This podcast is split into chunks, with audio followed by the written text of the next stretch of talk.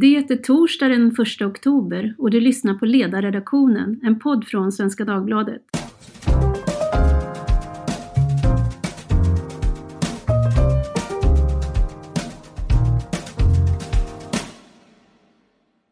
Jag heter Tove Livendal och 01.24 i natt kom TT-meddelandet att förhandlingarna mellan facken och arbetsgivarna om arbetsrätten har kraschat. Varför gjorde det det? Vad betyder det och vad kommer att hända nu? Det ska vi tala om idag och mina två parter i samtalet är Helle Klein, chefredaktör för Dagens Arbete och Fredrik Johansson, vikarierande ledarskribent här i SvD. Välkomna båda två! Tack så mycket! Tack så mycket! Det rör sig alltså om anställningsvillkoren för 2,8 miljoner privatanställda arbetare och tjänstemän som Svenskt Näringsliv, LO och PTK har förhandlat om. Och det är frågorna om anställningsskyddet, omställning, vidareutbildning samt en ny arbetslöshetsförsäkring som har varit i centrum.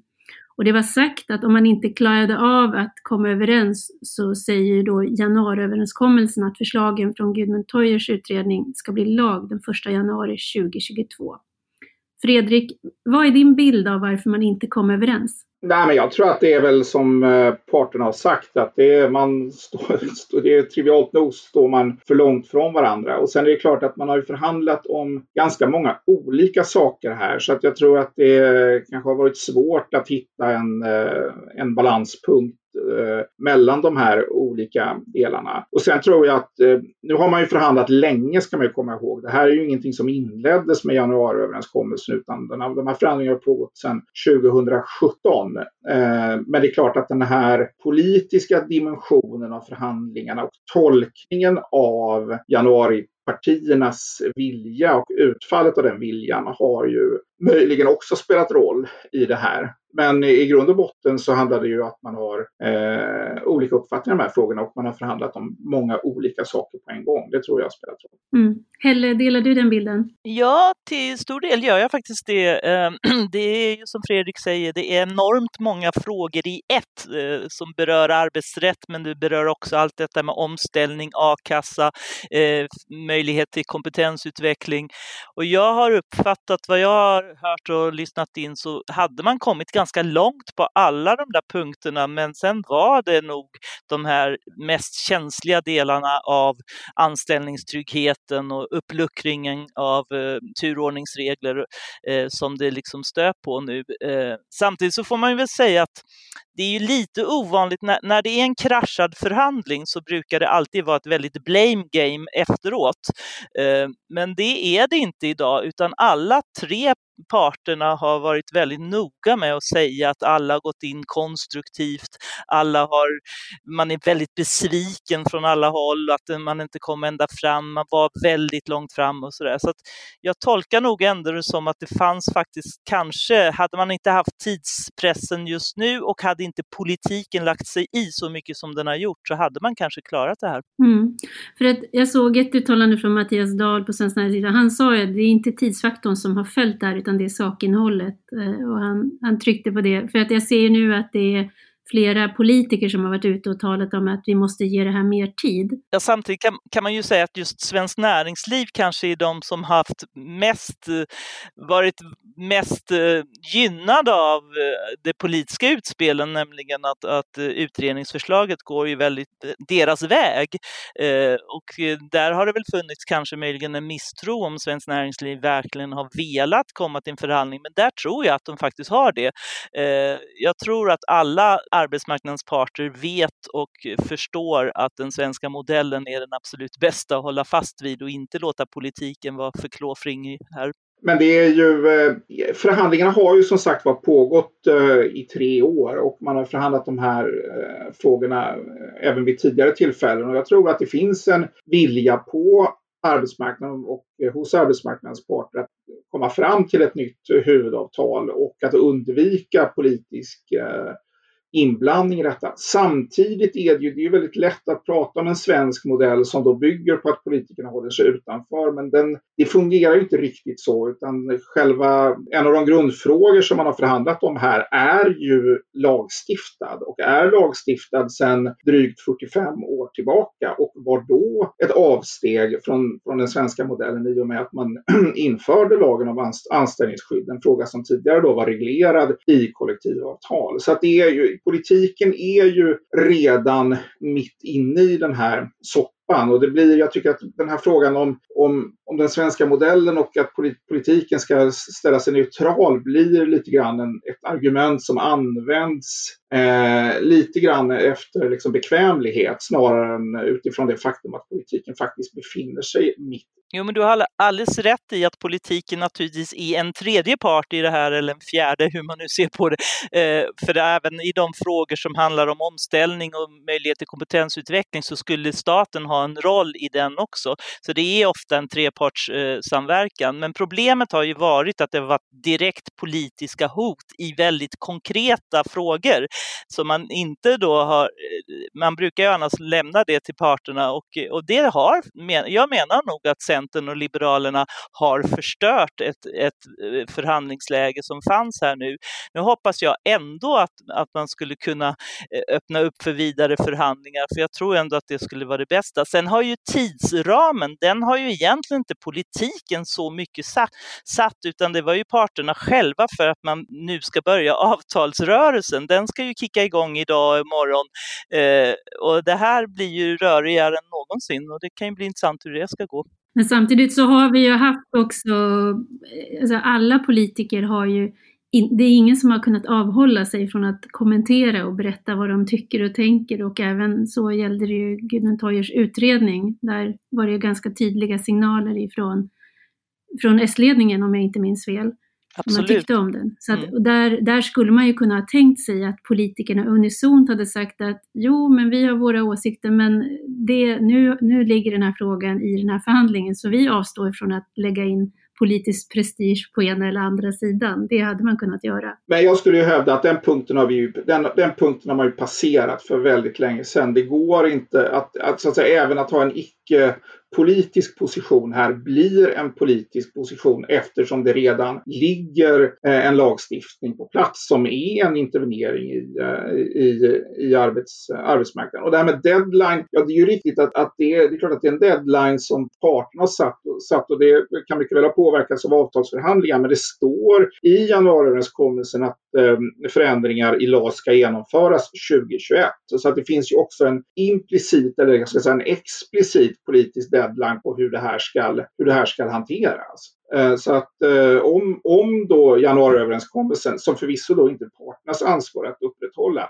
men om den ska genomföras på det sätt som, eh, som regeringen och Eh, det stödpartiet stödpartier kommit, kommit överens om, då uppstår ju automatiskt en deadline så att säga. Men det är ju här som är verkligen dilemmat, att det är januariavtalet på den här punkten som, som, har satt, som faktiskt har eh, gjort, man kan ju säga att parterna har hållit på sedan 2017, men det har ju också varit andra frågor som ska ha lösts under den tiden och det böljar lite fram och tillbaka och ett nytt huvudavtal är en stor grej. Och jag tror ju att, eh, eller det var otroligt olyckligt att man drev in denna fråga i januariavtalet och politiserade den så, för att det, där, där gick det fel. Eh, men nu tror jag, jag hoppas att man kan rädda upp det ändå. Mm, och det är ju fyra partier ändå som har ansvar för det.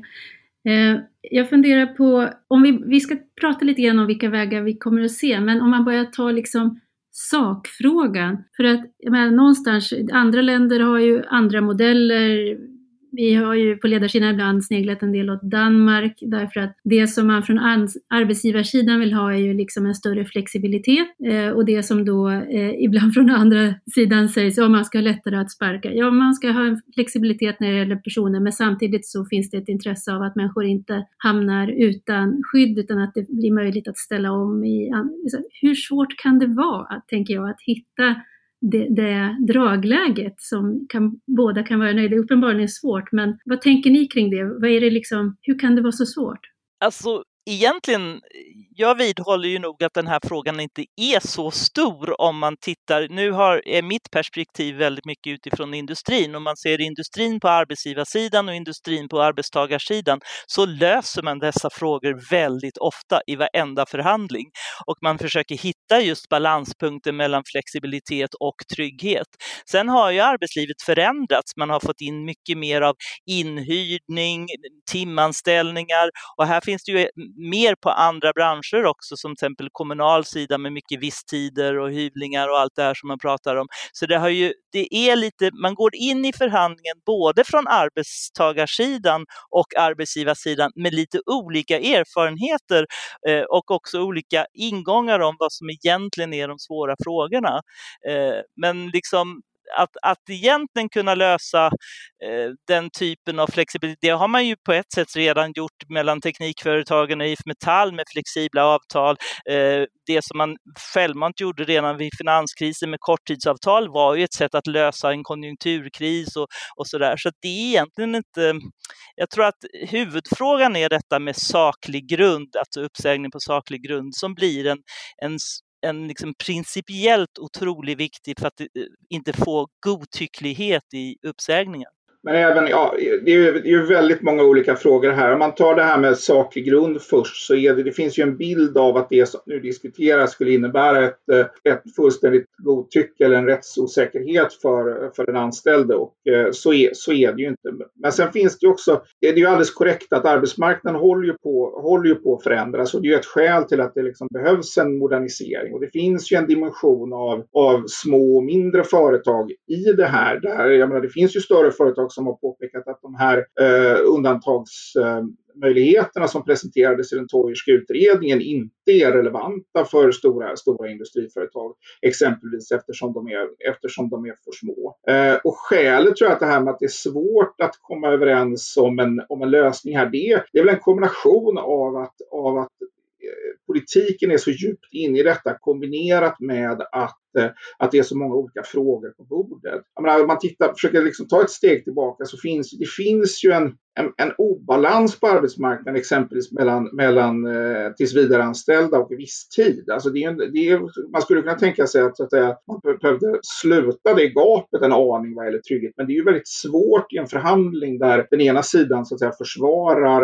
eh, de, de, de, eh, regler som finns då i anställningstrygghetslagen kopplade till tillsvidareanställning och där, där så där visstidsanställning blir en sorts ventil i systemet. Och ta det helhetsgreppet är ju svårt och blir kanske inte lättare av att, så att säga, det finns ett, en politisk komponent i det här som har, liksom, som har funnits med länge. Det är inte, det är inte januariöverenskommelsen som har varit, eh, eh som är, det, är liksom, detta skedde i början av 70-talet när politiken klev in i det här. Och det, eh, så att det, det är väldigt komplext. Sen till, till detta skulle läggas att den här frågan om flexicurity är ju också med i i januari eh, januariavtalet, eller januariöverenskommelsen, där, eh, där man, som då handlar om reformering av arbets, arbetslöshetsförsäkringen. Så det finns ju flera dimensioner av detta som gör att det blir blir så komplext. Det är svårt att hitta, liksom, komma överens om helheten tror jag just av, av det skälet och av det skälet att politiken är en, inte bara en aktör utan en tämligen nyckfull aktör i det här.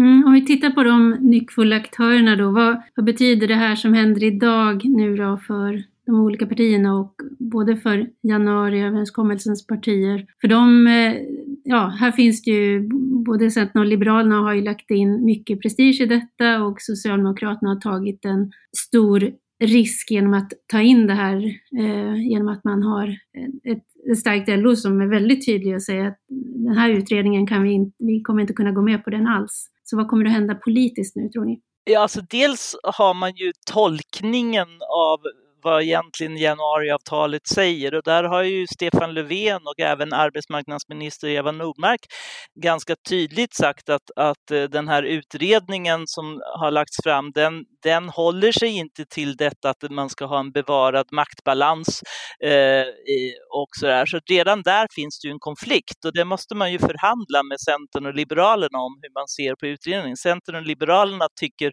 absolut att det är varje bokstav i denna utredning som ska genomföras.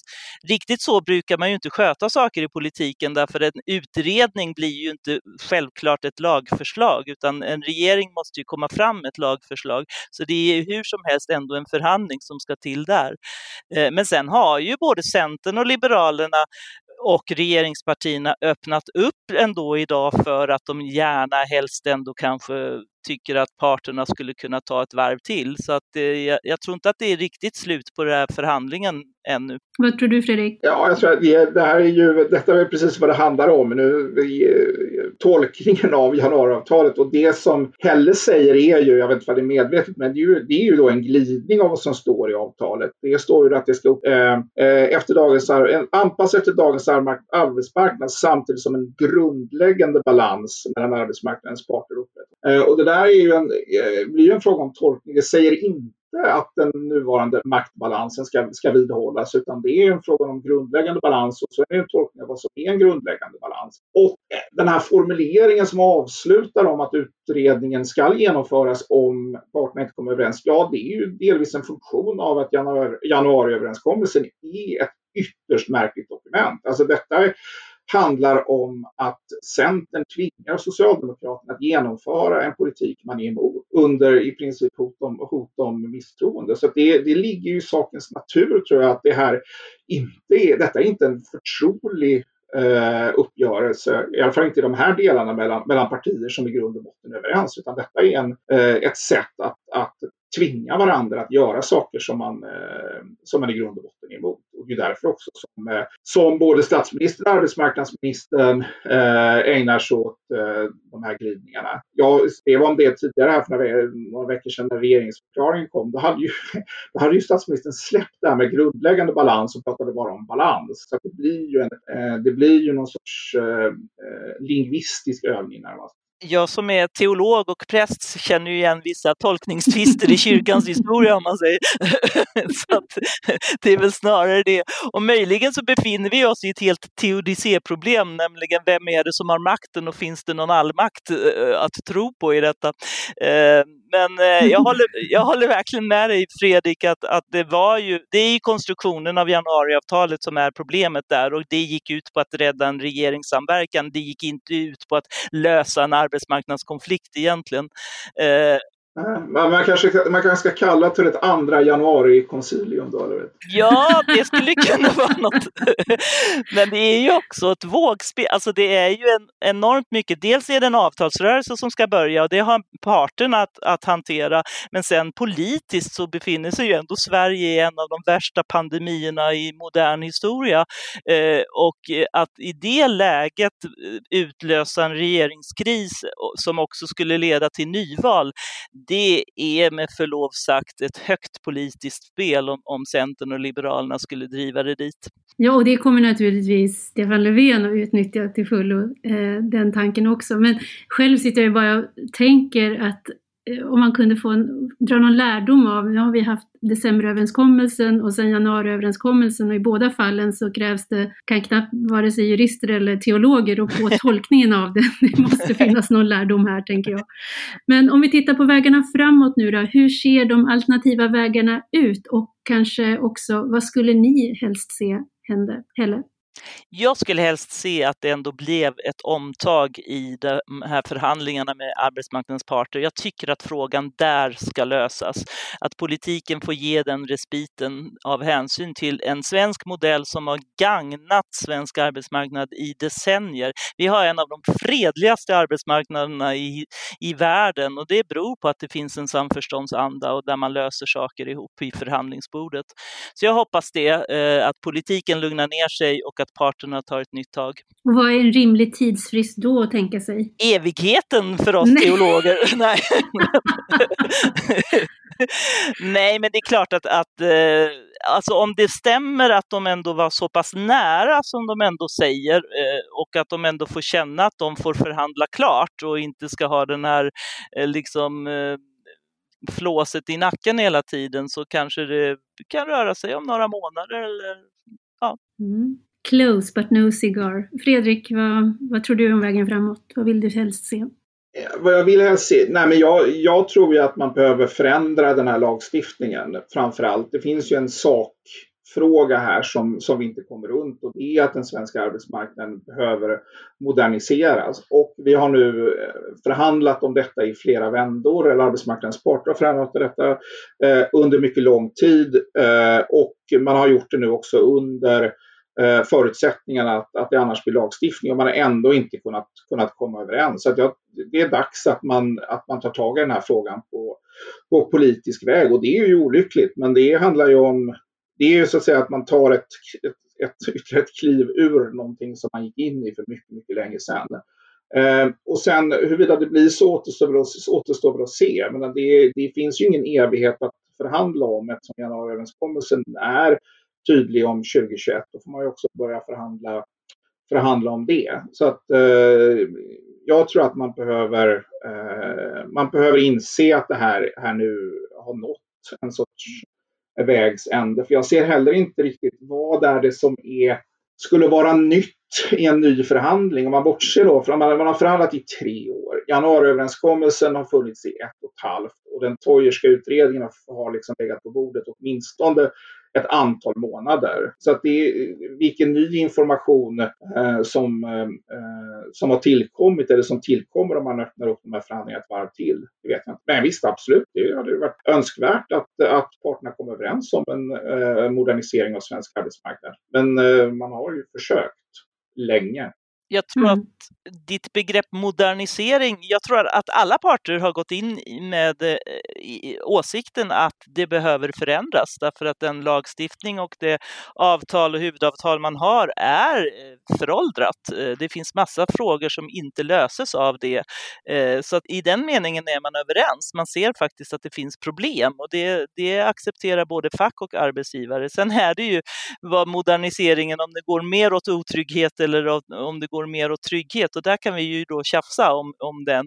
Eh, men det är ju alltid den balanspunkten och det är klart som tusen att man skulle kunna hitta den balansen om politiken eh, ändå eh, låter parterna få hålla sig på med det ett tag till. Okej, men då har vi nått den punkt där jag känner att vi ändå i grunden är rätt oense om tolkningen och det är bra, därför att det är vad vi uppmuntrar i den här podden, att se saker från olika håll. Eh, och själv skulle jag ju vilja att Sverige fick en ordentlig diskussion om just trygghetsbegreppet, vad det ska definieras av på arbetsmarknaden. Där knep jag sista ordet och jag vill säga stort tack till Helle Klein, chefredaktör för Dagens Arbete och min kollega Fredrik Johansson för att ni har varit med och rätt ut och benat lite grann i den konflikt som idag alltså åtminstone för stunden har kraschat så får vi se vad som händer sen. Så tack så mycket för att ni var med. Tack så mycket. Tack så mycket. Och till er som har lyssnat, varmt tack för att ni har varit med oss. Eh, har ni frågor eller synpunkter, gå in på ledarsidan eller hör av er till ledarsidan svd.se. Tack för idag.